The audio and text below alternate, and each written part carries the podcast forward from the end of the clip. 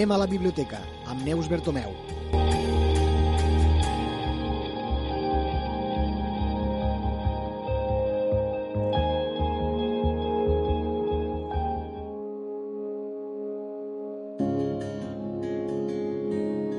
El primer que hem de fer és saludar a Neus Bertomeu, directora de la Biblioteca Delta de l'Ebre. Bon dia, Neus, i benvinguda.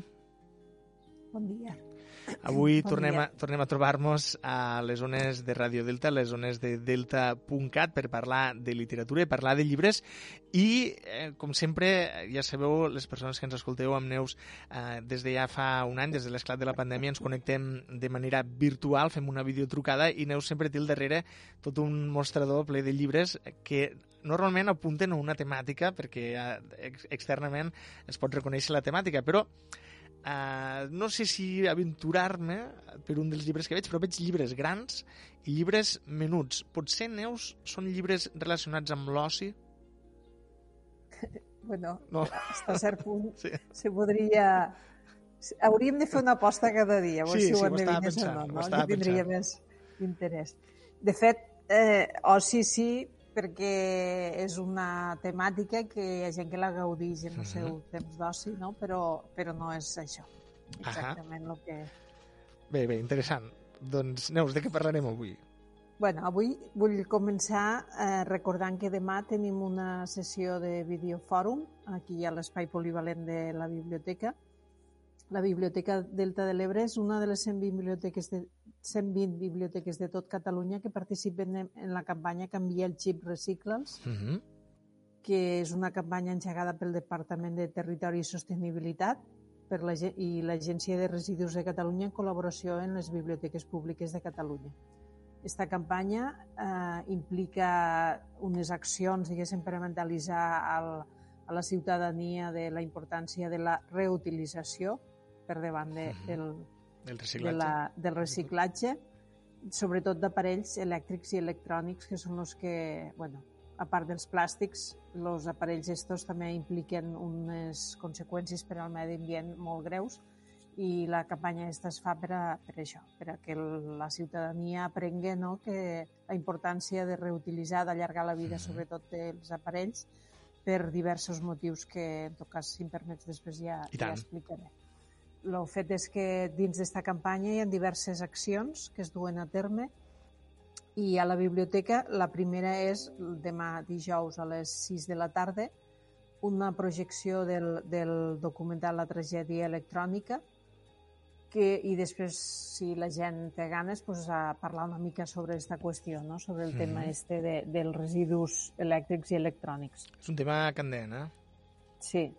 De fet, lo, los residus, se produeixen cada any al món 50 milions de residus electrònics, de tones de residus electrònics, i el problema de, de, dels aparells estos és que tenen materials molt diversos i el seu reciclatge és car, i llavors mm, la, els països rics, diguéssim, el que fan és carregar les tones estes en vaixells i enviar el 75% d'estos residus a abocadors il·legals a països Mhm. com Ghana, per exemple, Uh -huh. o com la Xina, i allà doncs, la gent, bueno, la gent treballa d'això, d'extraient el que pot d'estos residus, però això implica una, bueno, sense condicions sanitàries no? a l'hora de manipular-los. T'anava a dir, treballa, contaminant- treballa entre cometes, diguéssim que es busca la vida. A veure, claro, hem de pensar que són països pobres, amb pocs recursos i la gent s'espavila, no? Mhm. Com tenen tot el dret, no? El que passa Tant i que tant. això és lo del pan para hoy y hambre para mañana, perquè la contaminació que suposa el que cremen, lo, los residus que fan cap als aqüífers, no? Uh -huh. que contaminen tot el medi ambient, que destrueixen plantes i animals, tot això ara els serveix per a sortir-se'n Uh -huh. i posteriorment pues, hi haurà molts de problemes no? lligats a, a, este, a este treball I tant. però no és un retret contra ells perquè ells se ho troben això. El retret és contra els països rics que en lloc de reciclar el que fan és... Eh, és com aquell que ho amaga baix de l'estora, no? com si tots no formessin part del mateix planeta i la contaminació que es produeix que, i que perjudica un entorn no ens perjudica a tots.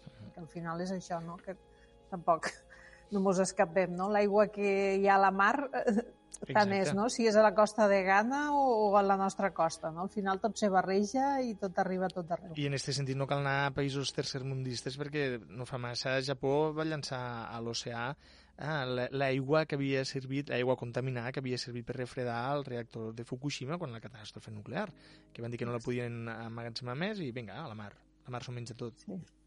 La mar s'ho menja tot i nosaltres després ens mengem el que hi ha a la mar. No? I els japonesos, precisament, que són tan amants del peix, uh -huh. eh, no sé, és molta inconsciència, no? Perquè a la llarga sí. això és tirar-se pedres a la pròpia taulada. Sí, sí, totalment. Però bueno, penso que no són prou conscients i que campanyes com la de canviar el xip reciclals ens pot ajudar una miqueta a ser una miqueta més, no sostenibles, però de dir el que poguéssim fer des de la nostra banda, no? pues això. Ja sabem que et compres un mòbil i ja als dos anys ja comença a fer el burro, no? Que no si no se t'ha trencat abans per accident uh -huh. i la majoria no, es, o sigui, no pensen de dir, bueno, pues lo, faig algo no, per continuar utilitzant-lo, sinó que lo canviem directament. Però este telèfon, sí, este telèfon utilitzat probablement se pot reutilitzar, no? se pot reparar si és que necessita i es pot allargar una mica més la vida, perquè eh, quan se va començar a reciclar, no? que potser els anys 80 i així es va començar a posar la Generalitat és una de les administracions autonòmiques que ha tingut més consciència, no? igual que lo de les, les, les ja ho diré, bueno, el control dels abocadors no calia, lo del reciclatge i també lo de les depuradores d'aigua, sí, no? Perquè sí, no s'aboque sí. l'aigua tal com surt. Depura depuradores eh, d'aigües negres, diguéssim. Sí, d'aigües residuals, aigües residuals, exacte.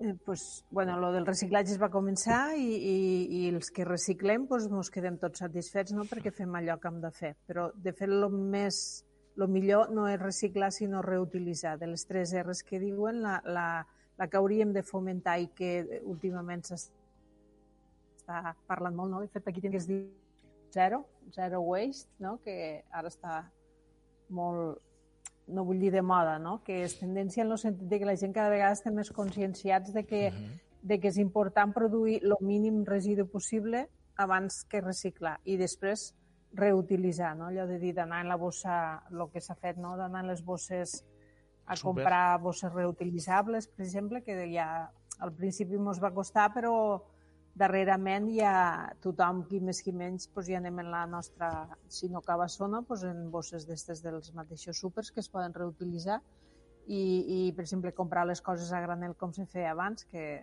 però bueno, encara aquí no... Això cada vegada, Potser... Neus, veiem més famílies a la tele, per exemple, que intenten, eh, que es marquen este repte, fins i tot a les xarxes socials, de poder viure sense residus, com deia en este llibre que ens has ensenyat, Residu Zero a casa, i que acaben dient dos coses. O bé, és impossible, eh, si vius en un poble és impossible, i si vius en una ciutat és molt difícil. Tens, tens, pots fer-ho, però l'esforç, eh, la implicació de temps i dedicació és molt gran. No estem preparats per a fer per a, per a tenir una societat eh, ecosostenible, podríem dir. Sí. I funcional. No estem preparats encara. De fet, jo sempre, mm, a veure, alguna vegada ho he comentat, que la xiveca, no? que era aquella cervesa en envàs de litre que sí, se reutilitzava, sí, sí, sí. No? que sempre era retornable, retornable, uh -huh. durant molts anys va ser retornable, quan ja no retornava cap envàs, bueno, a part dels sifons no? d'aquí, del territori, aquest sí. I les de Majuanes.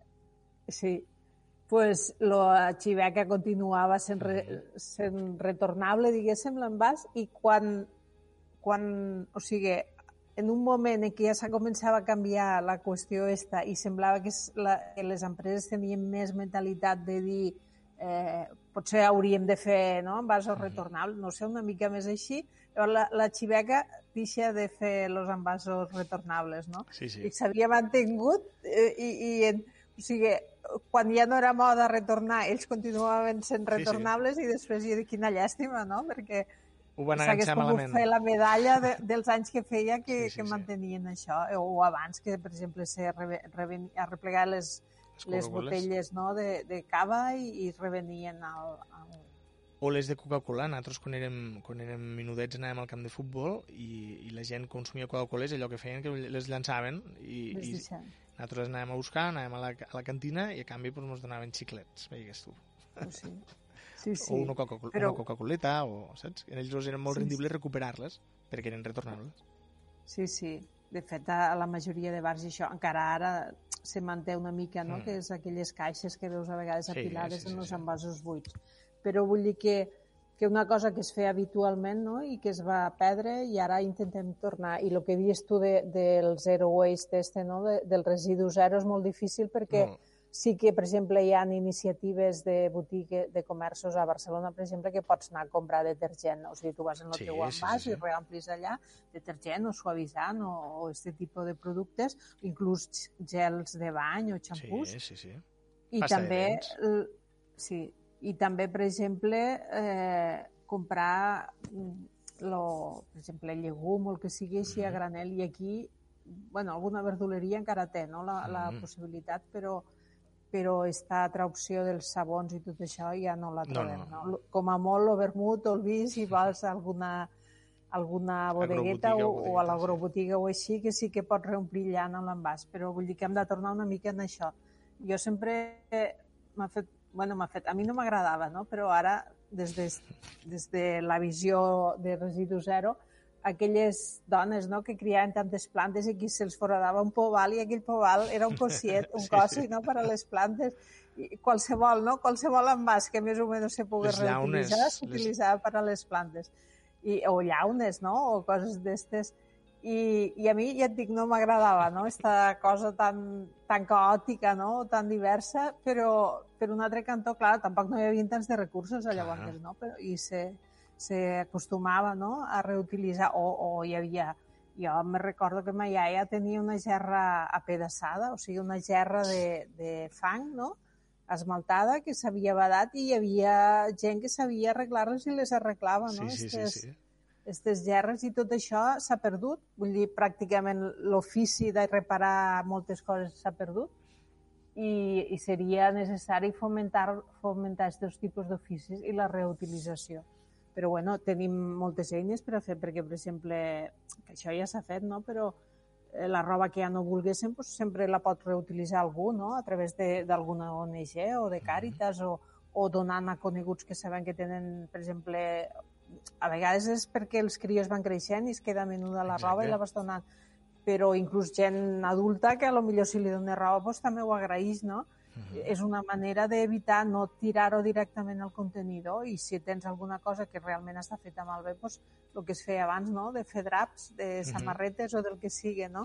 Una mica allargar una mica més no? la vida de qualsevol cosa per evitar augmentar més encara els abocadors. L'altre dia mos parlaven aquí al programa que si ara mateix deixessin de fabricar roba, les empreses tèxtils, tot el món podria viure en prendes noves 15 anys. Vull dir, perquè veigues tota la roba que, que es llança. que es llança o que està parada als armaris Mhm. i que si en tinguessis menys pues la utilitzaries més, Exacte, perquè em això ens passa a tots, que sempre hi ha coses que tens més tirada i hi ha coses que te les poses una vegada a l'any si te la posen, Te no? la poses. El que passa que és, difi... bueno, és difícil, no ho sé. No sé si el ritme de vida i hi ha coses que ni molt les plantegem i costa molt no? fer-ho tot això, però bueno, hem de ser conscients i jo penso que començar, per exemple, pels aparells elèctrics i electrònics, que perquè no és encara lo, lo, lo fet de d'utilitzar poc temps una cosa que encara es pot allargar el seu ús, sinó que los elements, o sigui, els materials que s'utilitzen, que són moltíssims i molt diversos, els que s'utilitzen per a fabricar un, un, un simple smartphone, no? vull dir, que és un aparell minut, eh, se trauen, no? Són, són residus que no són Biodegradables, per no són, no. bio, però no són renovables, o sigui, quan s'acabarà este tipus de material doncs no n'hi haurà més, i si no reutilitza el que ja s'ha extret no? i s'ha utilitzat per a fer qualsevol aparell d'estos, si no el reutilitzem arribarà un dia que, que no hi haurà, que no es podran fabricar. Per exemple, està el tema del coltan, que fet no és un material, no és un material, sinó que és la combinació de dos, és un, diversos minerals no? de dos famílies diferents, del, bueno, és igual, de la colomita, em penso, el tantali o alguna així, eh, exactament no ho sé, que eh, bueno, el principal productor ara per ara és Austràlia, no? que em sembla que té un 10% de, dels jaciments mundials, de les reserves naturals, però la, la, la, o sigui, els jaciments més grans estan a la zona central d'Àfrica, a la República del Congo, i de fet el 80% sembla que és allí. O sigui, no extrauen la, el volum, diguéssim, de fàbrica o d'extracció no és tan gran en aquest lloc perquè, perquè no tenen els mitjans i tot això, però eh, sembla que les mines se, són a, a zones que se fan molts de forats i llavors no es poden fer grans forats per a l'extracció, utilitzen xiquets perquè puguem baixar per dos forats més menuts. Vull dir, deixant de banda les, el treball infantil i el treball en condicions pèssimes, eh, com que és un, un material que ara pues, se necessita i, i té molta sortida al mercat, los, hi ha guerra al Congo, Clar. una guerra que ha portat, ja porta més de 4 milions de morts, o sigui, Uf. pràcticament més de mitja Catalunya, i estaríem, Uf. Si estéssim a la guerra del Congo. Ruanda i no sé quin altre país que és limítrofe en... Ruanda i Uganda, sí que és limítrofe en el Congo, estan robant diguéssim, aquests recursos per a revendre'ls ells i, a més, els diferents bàndols de la, que estan involucrats a la guerra pues, aprofiten, diguéssim, el coltan per a finançar-se la guerra. O sigui que, deixant de banda el que representa d'abusar d'uns recursos que s'acabaran un dia o altre, de la contaminació que suposa el fet de que els tiréssim sense reciclar-los adequadament o que es portien al, a, a països del tercer món. Imagina el que suposa carregar 50 milions de tones no? en un vaixell, que també contaminen els vaixells i, i que hi no de poc. fer pues, 2.000 o 3.000 quilòmetres no? per la mar per anar a abocar això a altres països. Vull dir, realment implica molta, molta merda, parlant clar, sí, sí, no? Sí, Tot sí. això. És terrible, eh, si es pensa. A part d'això, la mateixa extracció ja, ja, ja és problemàtica en si, no? La, la mateixa extracció hi ha alguna companyia de, de telecomunicacions que està exigint eh, que li demostren que no és eh, coltant del Congo, no? com el tema dels diamants de sang, no? que sí, ha, sí, sí, sí. sembla que sí, que hi ha un pacte no? per evitar que... Però, però sempre hi ha un mercat alternatiu o un cuit que, que al final borra la pista de la, del, de la procedència, sí, sí, diguéssim, sí, sí. coltant però bueno, no és només l'ocultant, sinó que hi ha molts altres elements. Coses que es podrien evitar si, si no hi hagués esta, esta afany no? per obtenir beneficis econòmics per davant del progrés social, que al final és el que hauríem d'aspirar a tothom. Exacte. Però bueno, cadascú dins del seu, des del seu món i des de les accions que, i les opcions que tria, sí que podem fer alguna com ara allargar una mica més la vida dels nostres telèfons útils. Si pel que sigui s'han de canviar sí o sí, però encara funcionen, sempre pots donar-los. Hi ha, hi ha iniciatives no? d'emprenedoria de, social que el que fan és donar feina, per exemple, a jovens desocupats no? perquè puguen reparar allò sí, sí, sí. i després se pugui recol·locar o, o, o o donar-ho a gent que ho pugui necessitar i així, no? Però vull dir que hem de ser conscients que el més important és que allarguéssim la vida d'aquests aparells i si, que si es poden arreglar s'arreglien i després que si no los donéssim perquè es puguin reutilitzar abans de tirar-los, no? Vull dir, l'última última opció seria tirar-los a reciclar, que tampoc no sabem ben bé, perquè hi ha moltes coses que, que en teoria se reciclen, però que al final no és així. Per exemple, los, los brics, no? que és una cosa que està omnipresent avui en dia. El bric està fet de cartró, d'alumini i de plàstic, que són és tres difícil, elements diversos, és i és tan car de reciclar que directament no recicla. dir, la major part dels brics Ostres. que utilitzem no reciclen perquè surt més car. A veure, surt més car, claro, si mirem en, en, la qüestió monetària, no? Una altra cosa és la sostenibilitat a llarg plaç o el mal que estem fent al planeta, no? Si miréssim aquests costos ambientals, doncs potser diríem, bueno, doncs val la pena pagar el que val el reciclatge, perquè al, al principi, per exemple, que es reciclava el plàstic, no? Eh, I tu allà podies tirar tot el plàstic que fos, no? I va arribar un moment que et diuen, no, no, el plàstic no... Els juguets trencats no, els povals trencats no, los... això no, que no són es pot reciclar. Són envasos lleugers. Mm. Ara el que se recicla són envasos, envasos lleugers.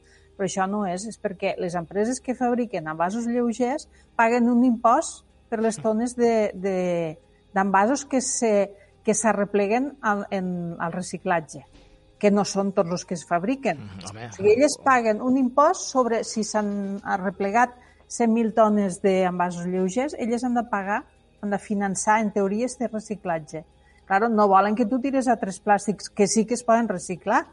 No és que no es puguen reciclar, però claro, si tu els tires aquell plàstic allà, com per exemple els plats que utilitzem a vegades d'un sol ús, no? o així, ells han de pagar per una cosa que no han fabricat ells, no? Clar. Vull dir, jo però... sé que hi ha una normativa i que la mateixa administració fomenta, no? però que han de ser han de saber realment el que passa, no? I el que passa és que aquesta gent no volen pagar per un plàstic que ells no han fabricat. No? Feta la llei, feta la trampa, perquè això seria tan fàcil com directament ja carregar-los el cost a, la producció, no pas al reciclatge. Claro. És així de fàcil, suposo. Jo, jo penso que, que, i molt més real, perquè realment no tothom recicla i molts d'aquests residus fan cap directament a l'abocador sense mm. passar per, pels contenidors de reciclatge, sí, per sí. tant, no paguen per tot el que fabriquen i, i que els dona un benefici a ells com a empresa. Sí, sí, sí, sí. I això també hem de ser conscients, no? El consumidor final, alguna eina podem utilitzar en aquest sentit, no? O, o almenys saber el que passa, no? I que si algun dia tires un poval trencat dins d'envasors de lleugers, doncs ho sento molt, però que se'l traguen, no? Aquell po... No ho sé, no? Jo, jo no dic que ho faci, no? Però vull dir jo que a vegades tampoc no, hem de ser una miqueta rebels, no?, en aquest sí, sí, sentit, sí, sí. no?, de, ja està. Hi ha, hi ha, molt per fer, bueno. hi ha molt per fer el tema del reciclatge, així que qualsevol iniciativa eh, que ens doni eines, eh, com aquesta que, que, que podem gaudir a la biblioteca, és, serà bona, perquè la formació en tots els àmbits sempre, sempre és positiva. Sí, i a més, normalment estem en una zona de confort i no mos, a lo millor a mi m'interessa la salut o l'alimentació i m'informo sobre allò, però no vaig a, a buscar temes de reciclatge, per exemple, o de reutilització.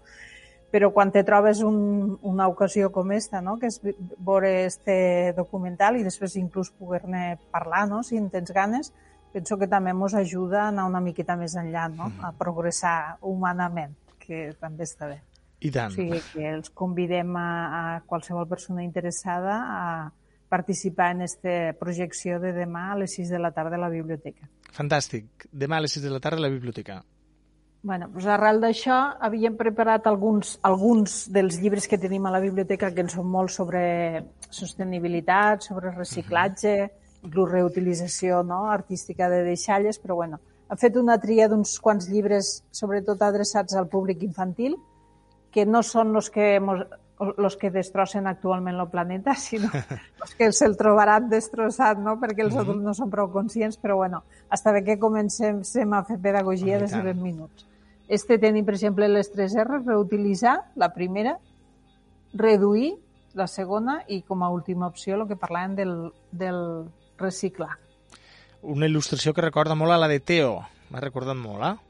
Així de lluny. Sí, bueno, podria ser que la, mateix, la Rosa Maria Curto, que és l'autora de les il·lustracions d'este volum, estés vinculada a la Violeta de Nou, que uh -huh. és teòricament l'autora, però de fet era un grup de persones, no, no era una persona uh -huh. física, sinó que eren diverses persones no? que, que treballaven creant los, les històries del, del Teo.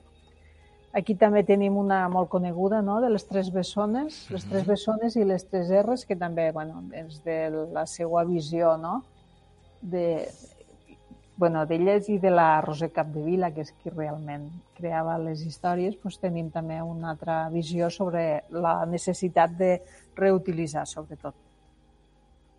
O el conte este del de Carles i la Laia, no?, de la Lauren Chill, eh, tingues cura del teu planeta, en què una xiqueta bueno, se fa conscient del que suposa no? este, uh -huh. esta acumulació de coses no? i que després no s'han de tirar sinó que s'han de reciclar com a mínim o donar-les, que encara és millor.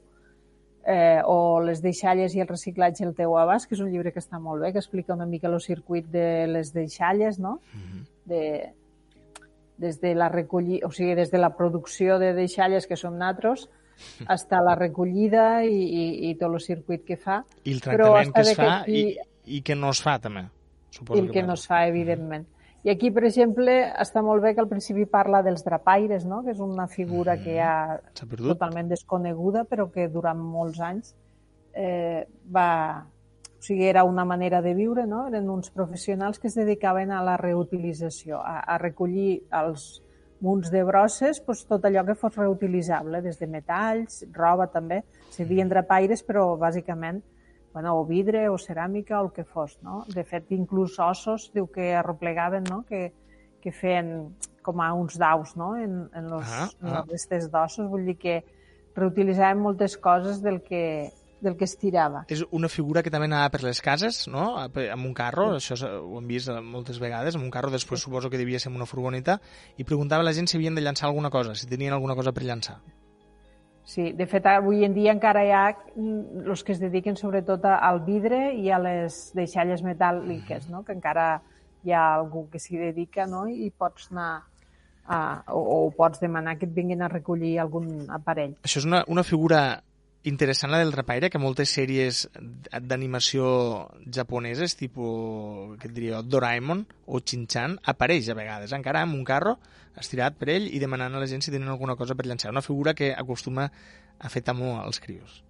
Sí, bueno, sí, és perquè eh, suposo que una mica com l'Esmolet i així, no? Sí. Que són adults que passen de tant en tant, però que van així Peculiars. envoltats de- d'una aura que mos fa sospitar. Però, de fet, avui en dia seria molt necessari no? que I tant. tornés a, a fomentar-se la figura del drapaire.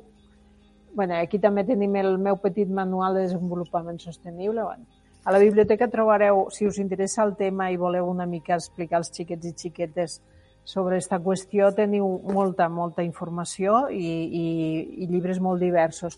I com a última he, he triat este, que és Contes per salvar el planeta, de la Anna Casals i Paolo Ferri. És un llibre molt xulo. Està, lo, la tapa és com, o sigui, la coberta és com de tela i, i té com a relleu. I el que fa, a veure, no és tan, tan pedagògic, diguéssim, com els llibres en el sentit de que no vas allà a formar directament sobre aquella qüestió, sinó que són contes que el que fa és una mica fer créixer l'amor no? per la, pels animals, el respecte per la natura i la sostenibilitat i així, un recull de contes, sis emotius contes per a un futur millor. És, és important, és important. I a més a més sempre me plantejo que si la majoria de persones d'un país viuen a les grans ciutats, eh, este tipus de contes no sé si penetren de la mateixa manera que la gent que vivim en nuclis més rurals. Eh? I, I no sé si un arbre és el mateix per a nosaltres que per ells. A vegades ho penso, això, i, i crec que són molt necessaris una mica per posar en context les coses. Sí, sí, perquè bueno, fa anys estava l'anècdota aquella d'aquells xiquets que quan dibuixaven un pollastre sempre el dibuixaven rostit, no? que no sabien. Ara això ha canviat una mica perquè Una se fa més mica. educació en aquest sentit, se fan sortides i així, però sí que és molt diferent perquè precisament no fa molt vaig fer unes lectures que parlaven de la, de la representació d'unes xiquetes, per exemple, que vivien a la selva americana, per exemple, en altres xiquetes que vivien a ciutat i llavors se dibuixa, o sigui, se representaven elles al, a, o sigui, dibuixades i, i se notava que les que vivien a la selva pues, tenien aquesta sensibilitat en el seu entorn. No? Clar. Elles no, no eren elles només, sinó que eren elles i el seu entorn. I en canvi les xiquetes de ciutat se dibuixaven elles, o com a molt la família, no? però aquesta diferent sensibilitat i, i està bé perquè m'ha fet pensar en sí, això, sí, no? sí, sí. el comentari que has fet. I després, per una altra banda, bueno, volia continuar comentant el tema de l'agenda. Mm, He volgut donar-li importància a, la- a la projecció de demà perquè, bueno, perquè és immediata ja, Uh -huh. Però arrel de la, de la inauguració de l'espai expositiu s'han organitzat una sèrie de, de xerrades en els artistes Uh -huh. i la primera es farà el divendres 21, que seria el divendres, diem, de Fires, que a les 7 de la tarda se fa una xerrada entre els dels, dels artistes, diguéssim, i lo, en demà, el dia dissabte 22, també a la mateixa hora, també se fa una xerrada en dos més dels artistes. I això Mhm. se to- tornarà a fer al mes de juny i així, però bueno, les més properes són divendres 21 i dissabte 22 a les 7 de la tarda. Ha- S'ha d'inscriure prèviament qui estigui interessat perquè bueno, hi ha limitació d'aforament. Però també és un tema que, Una activitat molt xula, molt xula si tens ganes de, si tens ganes de saber què hi ha darrere d'una obra, no? que moltes vegades quan vas a un museu no tens aquesta possibilitat o un, Sí. un museu una sala d'exposicions i aquí ara aquestes converses amb artistes que eh, seran molt útils sobretot per això, per apropar-nos la figura de l'artista que a vegades també eh, la tenim com per una cosa molt llunyana no? I, i després de l'obra i del per què d'aquestes obres. Jo penso que per a créixer, diguéssim, com a observador, com a miradors d'obra d'art, no? Està bé que tinguéssim aquest tipus d'experiències perquè si no se fa difícil, no? A vegades entendre, o sigui, tu pots dir m'agrada o no m'agrada i punt, no? I ja està. Però sempre hi ha alguna cosa més no? que t'aporta el fet de poder escoltar l'artista i jo penso que serà molt interessant les converses. I bueno, arrel d'això hem fet una tria de llibres, d'alguns dels llibres d'art que tenim a la biblioteca, que en són moltíssims. Moltíssims, no? Sí, sí. I precisament el primer és este que és Com visitar un museu de arte, del Johan Idema. És, és, és, un llibre... és un títol molt senzill, però suposo que amagarà moltes, eh, o sigui, moltes respostes, eh? perquè com visitar un museu sí. d'art, jo penso, d'entrada vestit, no? Sí, sí. I coses... Però avui en dia mascareta, sí, potser mascareta, has de demanar exacte. cita prèvia, això no estava recollit aquí. Però bueno, és una publicació de Gustavo Gili, que és una editorial de Barcelona pràcticament desapareguda ja, però bueno, dedicada a l'arquitectura i art, sobretot, mm -hmm. i mhm. disseny i això. I està molt bé perquè seria, no seria com una conversa en l'artista, no? però ens dona pistes de, de com com fer que aquella visita a un museu eh, li tragués una mica més de suc del que en principi mm, de, seria, de, no? Més enllà d'anar-hi, diguéssim. Sí, perquè, clar, vas i, i mires, però no passa d'aquí. bueno, no passa d'aquí si no tens una formació. Mm. Llavors, hi ha capítols com Camina despacio, pero de manera constante, cuadros sin gente, cómo se produce el arte, la belleza y las sandeces, el amor de un museo, mm a veure, la, la terna pregunta, però això és art, no?, que ens passa a vegades, que davant de segons quines creacions que ens costa molt, però bueno, jo penso que els que fan les tries per, a, per als museus no? i les sales d'exposició ne saben bastant més que nosaltres i, per tant, bueno, dins de la nostra ignorància pues, hem d'acceptar que segurament que allò és Exacte. art, agradi o no, i tot això. Però bueno, està bé, no? És una manera de, de donar-te pistes. Hi ha 32 pregun bueno, preguntes o temes, no? Ítems. I, I en dos o tres pàgines pues, te diu això. I com, bueno, per exemple, aquí, com visitar un museu d'arte, no? I te, diu, te dona unes pistes. Però està bé, no? Perquè realment jo crec que en general són bastant ignorants i llavors pues, està bé, no? Sí, sí. Tindré una miqueta més d'informació. I encara que ja anéssim eh, freqüentment, això de camina despacio però de manera constant és important perquè si no a vegades, segons quin museu, es pot sí, fer infinit. tacos. Sí, sí. Eh, vaig llegir que el, la, la part egípcia del, del museu del Louvre, només allò, si, si et detenies un minut a cada peça, no sé si necessitaves 3 anys. O sigui, sí, sí. Una, una animalada. Era una, una cosa hiperbòlica que és impossible de veure en deteniment. Sí, realment una visita al museu mm, has d'anar o molt ràpid o si no a dedicar-te a una de les parts i ja està, sí, sí, sí, sí. estos grans museus són inabastables, a part del que te, de la col·lecció que tenen no a l'abast del públic, que és increïble. Però bueno, aquí també he volgut portar este que és grafiti i arte urbano, que és, bueno, també és un, mhm. una disciplina artística que és que ja es pot dir que és una disciplina artística. Sí, i tant, i tant. Artística, no? Ah, quan trobem el... Ja no sortirà. Bansky? Els ba el Bansky, no? Hi ha molts altres creadors i, i a veure, l'art evoluciona igual que evoluciona la mm. música, no? La música popular abans era la, el que ara direm clàssica, no? Vull dir mm -hmm. que tot evoluciona i els gustos i així, però també és un art. I aquí estos dos enormes volums que no els toco perquè pesen moltíssim. Estos són els, que, los que havia vist. Sí, són dos volums dedicats a la pintura catalana, a les avantguardes de la pintura catalana mm -hmm. i, a, i a les segones avantguardes, perquè també van evolucionar, no? O sigui, dos volums a gran format, porten inclús estoig no, de tela per a protegir el volum i on estan recollits els artistes catalans de, la, de les avantguardes i de les segones avantguardes, diguéssim. Està bé per a capbussar-nos en la història més recent de la... bueno, més recent, no la darrera, però més contemporània de l'art català, de la pintura que, concret. Que és, és vast, és a dir, hi ha, hi ha molts artistes i de molta, molta qualitat. Si ens parem a l'època d'avantguarda, tenim, suposo, considerat com a artista català, si vols, entre cometes, tenim des de Picasso, els Picassos Miró, Tàpies, Dalís, eh, mm, aquell eh, Guinovards, eh, Capmanys, eh, tots autors que han deixat escola i que, mira, de fer la portada veig aquí la masia de Marroig, de Miró, d'un dels llibres. De Miró. Sí, sí, de Joan Sí. Miró, i l'altre no veig, eh, no sabria dir exactament què és. Sí, no. És segones avantguardes i això és més modern, ja. Sí. I de fet, bueno, és que realment fa de mal manipular, no? Sí, sí, llibres, però, Estos llibres són però per, vull dir que per algú que estigui interessat pues, ho pot consultar perfectament. Uh -huh. Però també tenim llibres adreçats als xiquets i xiquetes, per, també per a que descobreixen aquí com la, la història de l'art, des de la prehistòria fins als Mhm. nostres dies, un recorregut mm, per, des de l'antiguitat fins a l'actualitat, o per exemple este el libro de los colores, Començant, de- Comencem pel començament, no? El llibre dels colors. sí, claro, de la importància no? de, de la, Oh, i tant. de la cromato de la cromografia al, a l'art o l'art en 30 segons, que també és una petita història de temes de, per a nois curiosos, diu.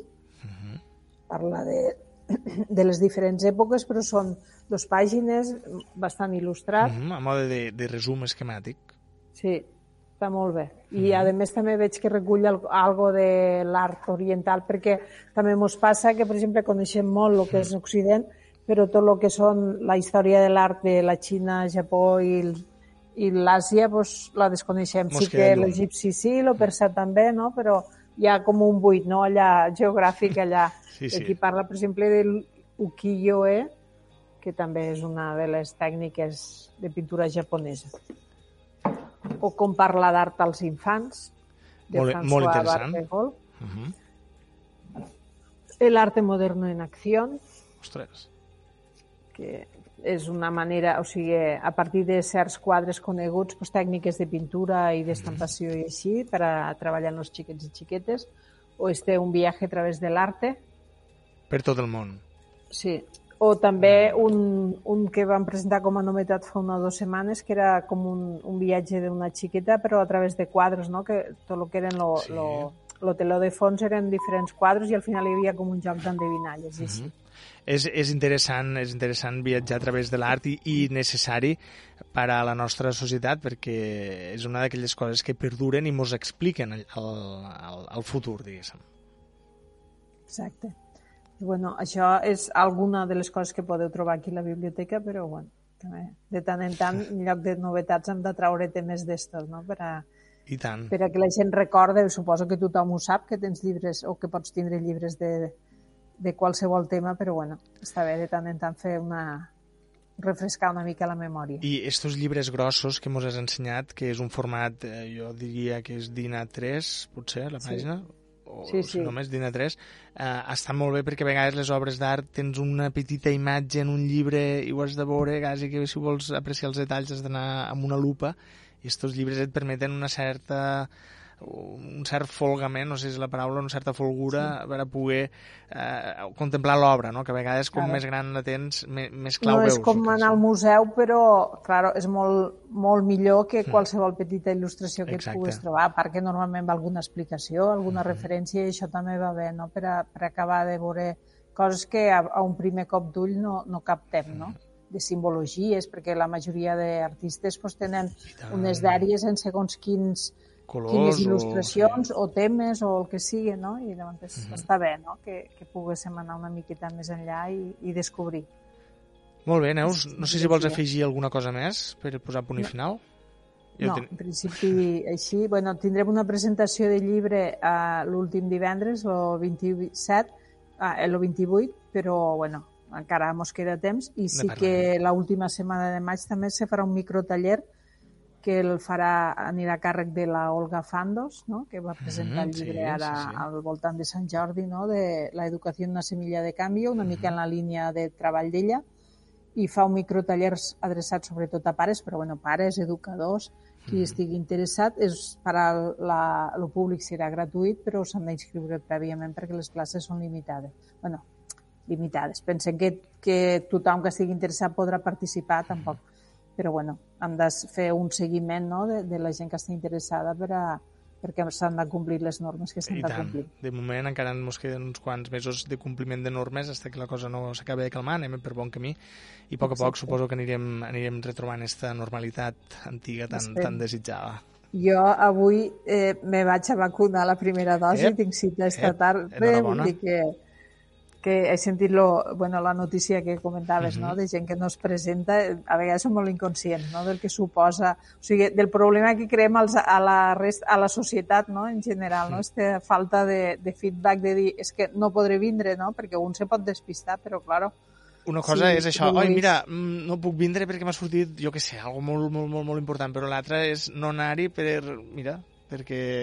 Sí, perquè m'he final... apuntat, però mira, saps què? No hi vaig, no? Sí. A veure, jo, jo confesso que d'entrada, quan va començar a sortir el tema de les vacunes, no estava gens per el tema, perquè mm. no sóc antivacunes, però pensava, ostres, que no ho han provat gens Exacte. i jo no sé si me vull vacunar, no? Si vull fer de conillet d'índies. Esperem bueno, una mica, vacunat, no? Només a Catalunya hi han vacunat més de 3 milions de persones, mm. no? O una mica més. Sí, pues, sí, penso, bueno, més no seré jo la que li, la que li sortirà la cosa d'allò, no? Vull Exacte. pensar.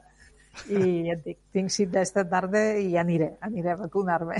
Pues que servisca el teu exemple per a totes aquelles persones que, que dubten aneu-hi, aneu-hi, que les vacunes sempre són una cosa bona que ens ajudarà a sortir més ràpid d'esta situació estranya que ens ha tocat viure els últims anys. Neus Bertomeu, directora de la Biblioteca Delta de l'Ebre, moltes gràcies avui, una setmana més, per parlar-nos de llibres i literatura al nostre programa i fins la setmana que ve. Molt bé, fins la setmana que ve. Gràcies a vosaltres.